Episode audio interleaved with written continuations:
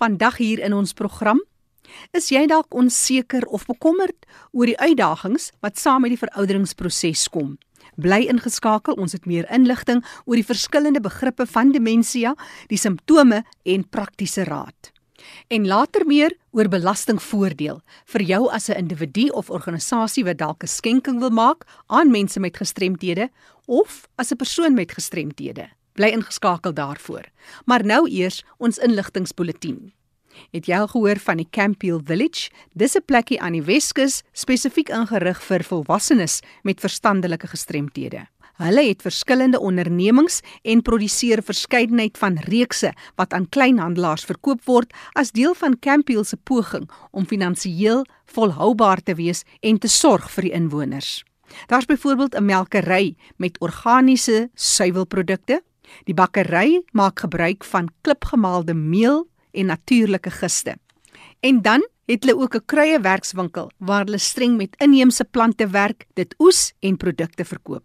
Ondersteun hulle gerus. Hierdie inisiatiewe word elke eerste Sondag van die maand aan Jan en San publiek bekend gestel. Kontak die bemarkingsbestuurder, dis Rikus Niemand, per e-pos marketing@campiel.org.za of besoek hulle webtuiste www.campiel.org.za.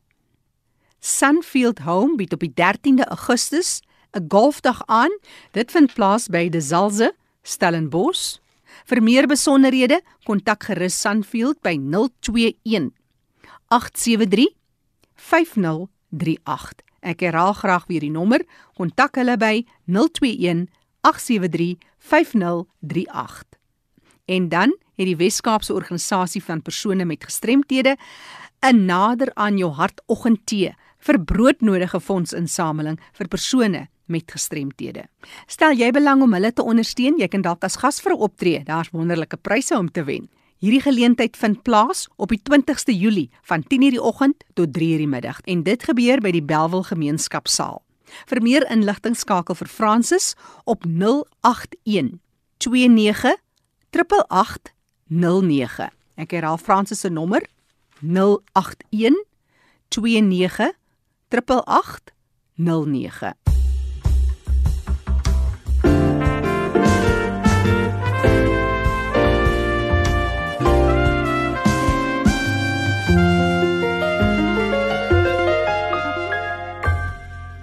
Jy luister na RSG op 100 tot 104 FM. Dis die program Die Leefwêreld van die Gestremde. Onthou die program is ook as 'n potgooi beskikbaar wat beteken jy kan weer daarna gaan luister. Gaan na ons webtuiste rsg.co.za, klik op potgooi en soek onder L vir Leefwêreld van die Gestremde met vandag se datum. Dis tyd vir ons om aan te sluit by Fanie de Tooi in die Kaap. Baie dankie Jackie.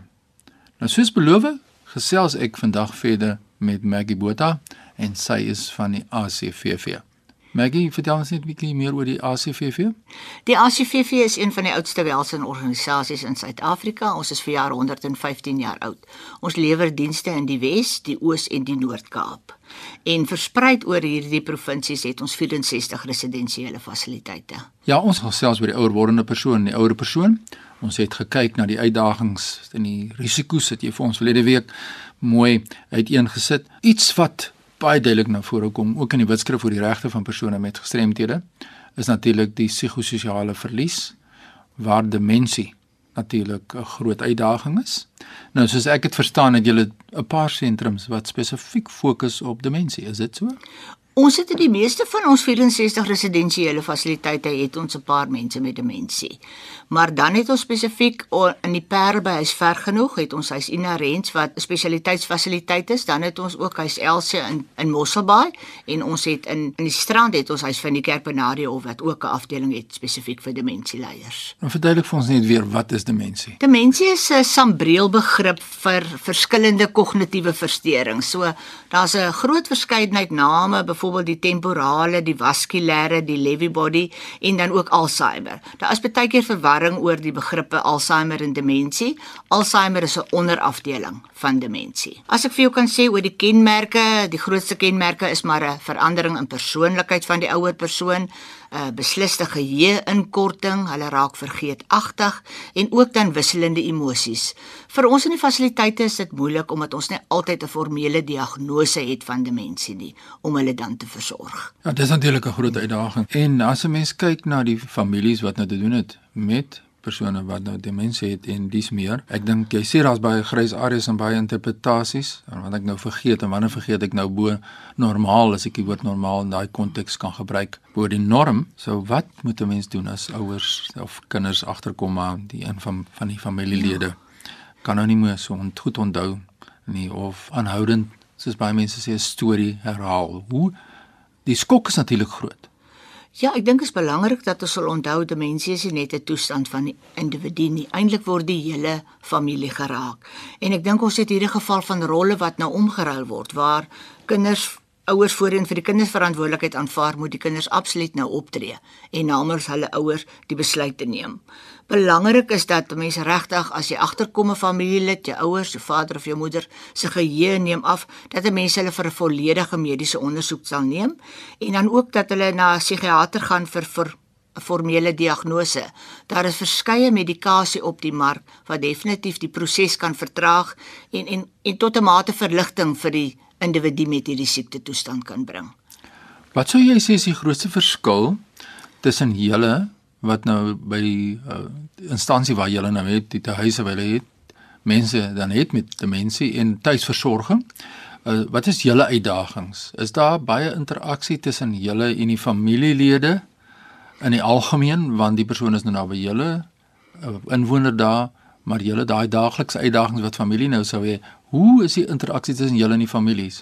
Ons probeer regtig op 'n baie gereelde basis met die familie skakel en interlopend op hoogte hou van die verloop van die siekte toestand. Ek dink soos jy in die begin gesê het, dit is vir mense moeilik om dit te verstaan en daarom moet ons ook van ons kant af bewusmaking doen oor oor die kenmerke van demensie dat die familielede daar buite dit kan verstaan.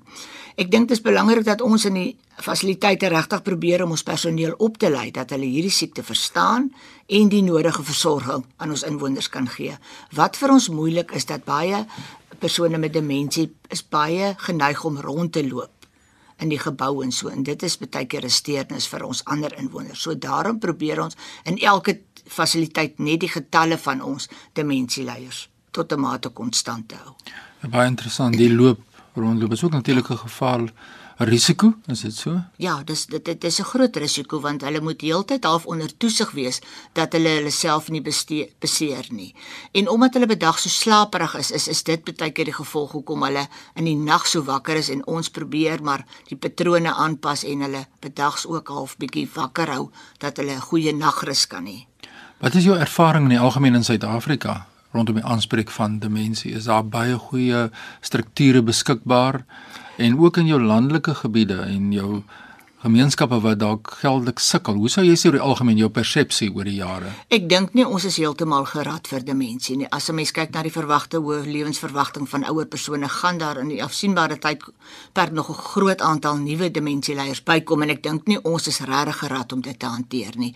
In die stede het ons byvoorbeeld die ondersteuning van Alzheimer Suid-Afrika, Demensie Suid-Afrika wat opleiding doen, maar op die platte land kan dit definitief 'n probleem wees. En dan's daar ook baie min mense in Suid-Afrika wat werklik demensie kan diagnoseer. Dit is natuurlik 'n groot uitdaging. Sê vir my die beleid wat julle nou volg rondom die persone nou te kry by die sentrum of die te huise, is dit in lyn met die regeringsbeleid rondom tuisversorging? Is daar daai sake nou uitgeklaar dat dit regtig 'n behoefte is vir die tipe sentrum soos wat julle dan nou het spesifiek of is daar nog 'n neiging wat sê maar die families moet omsien na die persoon met hierdie dan psigososiale uitdagings. Hoe is julle mening daar? Is daar vordering dat mense besef en erkenning gee vir die werk wat julle doen? Ek dink definitief daar's baie erkenning vir die werk wat ons doen en ek dink daar's ook begrip dat hulle baie keer verstaan ons kan nie alle soorte demensieleiers in inrigtinge versorg nie baie ouer persone het ons agtergekom die skuif na die residensiële fasiliteit is eintlik baie sleg vir hulle. Hulle die verwarring is amper erger. So tuisversorging speel nog 'n baie belangrike rol en daar is baie families wat maar verkies om tuis liewer na hulle ouers op te sien. Maar nou is die maatskaplike werker belangrik. En waar pas die maatskaplike werker in die proses ja. aan die familie en dis meer? Ja. Die die maatskaplike werker kan 'n baie wonderlike rol speel, maar daar's min van ons fasiliteite wat beskik oor die dienste van hulle eie maatskaplike werker. Die maatskaplike werker kan byvoorbeeld help met navraag oor geskikte fasiliteit vir die persoon, sy help met die aansoekvorms, sy help met die begrip, sy help met die verstaan van die proses en dan ook die hoe die kinders hulle ouers moet hanteer. So maatskaplike werkers is baie belangrik, maar ons maatskaplike werkers in Suid-Afrika het geweldige druk met kinder- en gesinsorgdienste. So ek moet sê daar is nie altyd vir hulle tyd en geleenthede om werklik dienste aan ouer persone te lewer nie. En dit is ook so as jy een persoon met demensie gesien het, jy het slegs een persoon gesien. Want dit verskil. Dit bring my by die vraag van wat is die keuses en hoe kry die mense daardie inligting, die kinders en die familie? is dit vrylik beskikbaar. Ek dink so hulle moet miskien uitreik na die spesialisorganisasies wat werk met demensie, maar die meeste maatskaplike werkers beskik daarom ook oor die nodige kennis om die persone te help. En wat sou jy vir families wil sê vandag? Wat hulle in gedagte moet hou? 'n pad vorentoe met mense wat nou in hulle familie is wat demensie het. D dit is vir my regtig belangrik dat hulle so gou as moontlik sal 'n mediese ondersoek op vir hulle familie lid laat doen en as dit enigstens finansiëel moontlik is dat hulle hulle formele diagnose sal kry van demensie, dat hulle die nodige medikasie kan kry. En dan is dit ook saam met dit baie belangrik dat daar aan die geldsaake aandag gegee word van so 'n persoon. En wat is stigma is daar nog vir daar vaskleef aan demensie? Daar is definitief nog maar 'n stigma om en en ook in moeilike in die fasiliteite dat die in, inwoners nie die hulle mede inwoners altyd goed behandel nie. Hulle verstaan nie die siekte en hulle hulle stoot hulle een kant toe. Ons het mense wat vandag belangstel om met julle te kontak te maak oor demensie en alles wat daarmee saamgaan. Waar kry hulle vir julle aan die hande? Hulle kan definitief vir ons miskien skakel of vir my persoonlik as hulle enige inligting benodig oor fasiliteite of of hulpmiddels in die gemeenskap. En voor ons uh, die jou kontak besonderhede gaan deurgee, wat maak jou werk vir jou die moeite werd? Hoeveel jaar is jy betrokke wat jy ek doen? Ek is die afgelope 16 jaar betrokke by die ACVV en ek moet vir jou sê dit is geweldig bevredigend om met ouer persone te werk en en regtig te kyk dat daar nog baie keer vooruitgang kan wees en en dit dit wat ons van hulle leer, die lewenswysheid is vir my absoluut bevredigend. En hoe bemagtig julle julle personeel om op hoogte te bly met die nuutste verwikkelinge en die nuutste tegnologie en medikasie? Het julle gereeld seminare? Ons het gereeld skakel met ander rolspelers byvoorbeeld in die Wes-Kaap oor ouer persone. Ons noue skakel met die departement van maatskaplike ontwikkeling wat ons regtig op hoogte hou van hulle beleid en hulle verwagtinge ook van ons rondom dienste aan ouer persone. Ja, ek is oortuig daarvan eh uh, Suid-Afrika is dankbaar vir organisasies soos julle Maggie en baie dankie ook vir wat julle doen en die behoefte wat julle raak sien elke dag en die ondersteuning wat julle aan families gee. As dit pragtig waar prysenswaardig. So waar kry hulle vir jou in die hande as mense nou wil kontak maak oor die uitdagings wat ons nou aangespreek het vandag se program. Hulle kan my skakel by in die per by my kantoor by 021 871 1297. Herhaal ons daai nommer. Die nommer is 021 871 1297. Is daar ook 'n e-pos wat mense kan skryf? Daar is 'n e-pos, dit is Maggie M A G G I @acvv.org.za. Ja, dit is die kontakbesonderhede van Maggie Botha, sy is van ACVV en ons het hier voorheen gehad om twee programme te gesels oor die ouer wordende persoon of die ouer persoon en die, die werksamehede van hulle instansie. Baie sterkte met julle werk. Baie dankie vir aan die geleentheid. Jackie, ja, ouderdom en die oud word raak almal van ons en dit is goed om kennis te neem dat daar infrastrukture bestaan soos ons nog genoem het by die ACVV en ook ander instansies so baie dankie ook aan almal wat 'n rol speel in hierdie verband in Suid-Afrika. Net voor ek teruggaan aan jou in Johannesburg, Jackie, my e-pos is fani.dt@mweb.co.za. Groetens uit Kaapstad.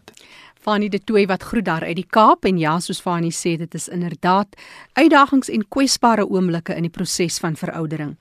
Onthou jy kan ons kontak vir enige storie wat jy dalk met ons wil deel. Stuur sommer net 'n vinnige SMS na 45889. 'n SMS kos jou R1.50. Ek sal baie graag van jou wil hoor. Ek gesels nou met Piet Nel. Hy's besoekende professor by die Universiteit van die Witwatersrand, maar hy's meer spesifiek by die Suid-Afrikaanse Instituut vir Belasting Beroepslui. Piet vertel ons bietjie meer, dis weer sulke tyd van die jaar, belastingopgawes moet ingedien word. Daar is voordele wat mense kan trek net om betrokke te raak by die leefwêreld van mense met gestremthede. Dit gaan oor skenkings en mense wat bydraes maak. En Suid-Afrikaners is nogal geneig om om redelik te skenk vir sulke organisasies. Hmm. Dis een van die vrae wat ek baie kry van van skole is hulle praat van artikel 18A sertifikaat. Ehm um, en dis waar die besigheid voordeel trek. So 'n besigheid kan sê maar ek kan 'n bydrae maak Dis dan doen hulle dit vir sekere sosiale punte ook besigheidsdoeleindes. Hulle kan 'n bydrae maak aan 'n skenking maak aan kom ons noem maar skool of gestremde instansie en dan kan hulle belastingaftrekking vir die ding kry. Ehm um, dit word beperk tot 10% van hulle belasbare inkomste. Die vereiste is want logies is daai bydrae wat jy maak dis soos 'n skenking soos nie belasting en gewoon belasting aftrekbare koste nie. Dan is die vereiste dat die persoon wat die instansie wat dit ontvang moet eintlik by die, ontvanger van inkomste geregistreer wees as 'n openbare wellesorganisasie erken wees met dit. Sekere vereistes voldoen en en die gestremdes val in al daai reëls dit in. Die aktiwiteite wat hulle sal doen om na te selfs vir ou mense en soos van die goederes wat bykom. En dan dis redelik liewe klomp papierwerk. Hulle moet dan kan bevestig dat daai geld spesifiek vir daai doel gebruik sal word. En dan reik hulle kwitansie uit die artikel 18A kwitansie wat dan vir die ander persone belastingvoordeel gee. Hy kry belastingaftrekking vir dit en hulle kry die geld om hulle om hulle fondse mee aan te help. So ja baie baie vrae nogal daaroor. En wat ons ook al gevind het is dat dat hulle dan kwitansies uitreik wat nie kwalifiseer nie. Soos mm. net soos met die kwalifiserende mediese kostes waar daar spesifieke reëls is daar spesifieke reëls wanneer kan jy die kwitansie uitreik baie instansies wat kyk na mense met liggaamlik verstandelike gestremthede is afhanklik van befondsing. Ja. En hulle kry net 'n sekere persentasie van die regering. So hulle moet hierdie befondsing doen. Maar wat watse wenke gee jy vir hulle om hulle huis in orde te kry sodat dit makliker is vir mense om vir hulle te skenk, om vir hulle ja. dan die kwitansies ja. uit te reik? Wat is van die algemene goed wat jy sien nie gebeur ja. wat wat dit net soveel makliker gaan maak? Ja. Ja, en ek dink ek dink die groot rede en dis 'n rede wat die wat die staat erken deur die belastingwetgewing dit in die wetgewing in te bring is die oomblik as jy wat kom ons sê daar's nou 'n sorgsentrum en hulle word op 'n winsgrondslag bedryf en hulle betaal belasting, dan gaan jy minder geld hê want as jy nou winsie maak dan gaan daai geld moet die belasting betaal. So dis nommer 1 hulle moet seker maak dat hulle aktiwiteite val binne dit wat vir belastingvrystelling kwalifiseer sodat hulle entiteit so gestruktureer is en dit kan 'n maatskappy of 'n trust of 'n vereniging wees. Baie van die gestremdhede het verenigings wat en en en, en dis dan ook om navorsing te doen in ja. die goeder so daai geld wat daarvoor kom in alle geval. So hulle moet seker maak dat hulle binne dit val en sê maar dit wat ek doen die mense met gestremdheid wat ek vir voorsiening maak dit kwalifiseer in dit en dan moet hulle aansoek doen by die ontvanger om so goedgekeur te word. Hulle moet in alle geval of hulle nou winsgewend of nie is nie, moet hulle belastingpligtig geregistreer wees. En dan moet hulle sê maar ek wil verder die vermoë om hierdie kwitansie uit te reik. En dan sê die ontvanger nou goed, identifiseer die aktiwiteite waarvoor jy dit gaan gebruik en as dit binne dit val, dan gaan ons vir julle die ding gee. So daar's 'n daar's 'n wye omstandighede waaronder ja, ja. mense belastingvrystelling kry, maar dis 'n bietjie beperk waar jy belastingaftrekking kan kry vir die ou wat jou die skenking maak. So baie belangrik, hulle sien net nie regeringsorganisasies, jy moet ook sorg dat jy 'n nie winsgewende organisasie is. Dis reg, ja. Ja, mense praat altyd van die nie verwinsmaatskappye en sulke goederes en, en ek ek hou nie daarvan om iemand aanbeveel om nie vir winsmaatskappy nie want dit het bykomende auditkostes byvoorbeeld en so en mense wil tog want hierdie werk met 'n mate openbare geld so jy wil hê daar moet 'n mate van oorsig wees maar jou struktuur moet net so iets wees, dit moet 'n entiteit wees, dit kan 'n vereniging of 'n trust of 'n maatskappy wees wat dan voldoen aan die vereistes en dan wat in een van die vereistes is dat dit is nie op winsgrondslag nie, dis om hierdie hierdie spesifieke mense met hierdie spesifieke gestremdheid of hierdie mense hierdie ou mense te help en so aan. Ja. En dan as 'n mens kyk na besighede, dis ook dis, belasting aftrekbaar, hmm. maar is daar ander voordele? Byvoorbeeld vir ja. bemagtiging byvoorbeeld ja. van voorheen benadeelde mense en hier wil mense pleidooi lewer ook van gestremdes. As 'n mens kyk na hmm. byvoorbeeld die werkloosheidsgetalle in Suid-Afrika wêreldwyd ja, ja. en dan is mense met gestremdhede nog aan 'n kleiner groepie ook af Natuurlijk. wat nog swaarder kry. Ja, dis absoluut reg om van weer die die jongste syfers praat van omtrent 60% van die jong mense en hulle praat van onder 29 het nie werk tans nie, né? So dan die die kanse vir 'n matrikulant om werk te kry is 1 uit uit 10 uit tipe ja, ding. En so, dis mense wat dit van weet, daar's mense wat net opgee, wat, net wat opgee. nie eens deel is, is van die correct, van die ja, syfers ja, meer nie. Dis korrek. So vir die gestremde persone is soveel soveel duurder. Nou daar is belasting toegewings in die sin dat waar ek 'n as 'n werkgewer of as 'n ondernemer belastingpligtige en dis al tipiese werkgewer wees iemand help om te kwalifiseer met 'n gestremdheid en dit is nie in die wet. Ek kan ook byvoorbeeld my werknemers 'n beurs gee vir hulle kinders wat gestrem is. Dis belastingvry tot 'n baie groot mate. So ek kan daai bydrae maak om hierdie persoon op te lei. Ons praat van 'n leerder leerling vermindering wat daar bestaan wat by die ondertekening van die kontrak gee kry jaarlikse aftrekking terwyl die ouetjie studeer en aan die einde kry ek 'n voltooiings uh, ek kry belastingvoordeel daarvoor bykomend vir die kostes wat ek daarin gee en die beurse wat ek vir mense nee. gee gestreem is. Daar's verskillende vlakke. So die staat het gesê dit maak vir ons meer sin om om om om 'n bietjie die belastingvoordeel te fokus of kom ons sê die aansporing wat daar is. Waar jy 'n nasionale kwalifikasie raamwerk bo 5 het, is die bedrag hoër as wat dit onder dit is. Ehm um, so ja, dis vir almal beskikbaar vir skool en so want dis belangrik dat mense op dat hy ook 'n goeie skoolopleiding kry en dit is waarskynlik baie belangriker vir 'n gestremde persoon om daar baie beter eh, en dis omdat dit soveel duurder is ja ja Piet Nel is 'n uh, besoekende professor by die Universiteit van die Witwatersrand. Hy is ook verbonde aan die Suid-Afrikaanse Instituut vir Belasting Beroepslei. Piet, wonderlike inligting om te weet wat jy kan doen en dat elke sent wat jy in daai kind belê, byvoorbeeld in die laaste geval, is kan jy terugeis van die belastinggaarder. Net so ter afsluiting vir ons webtuiste, mense kan op die instituut se webtuiste gaan en dan is daar natuurlik uh, heel eenvoudig www.sars.gov.za in julle webtuiste. Dis the so d a e s a i t the site.org.za. En daai S A I T staan vir South African Institute of Tax. Tax ja. So dis S A I T.org.za. Dis reg. Indien jy nie vinnig genoeg kontakbesonderhede kon neerskryf nie, stuur gerus 'n SMS vir enige navrae of insette 45889. 'n SMS kos jou R1.50. Dis die program Die Leefwêreld van die Gestremde waarna jy geluister het. Jy kan dit ook weer gaan aflaai as 'n potgooi op erisg.co.za. Die program onder leiding van Fanie De Tooy en my naam is Jackie January. Groete.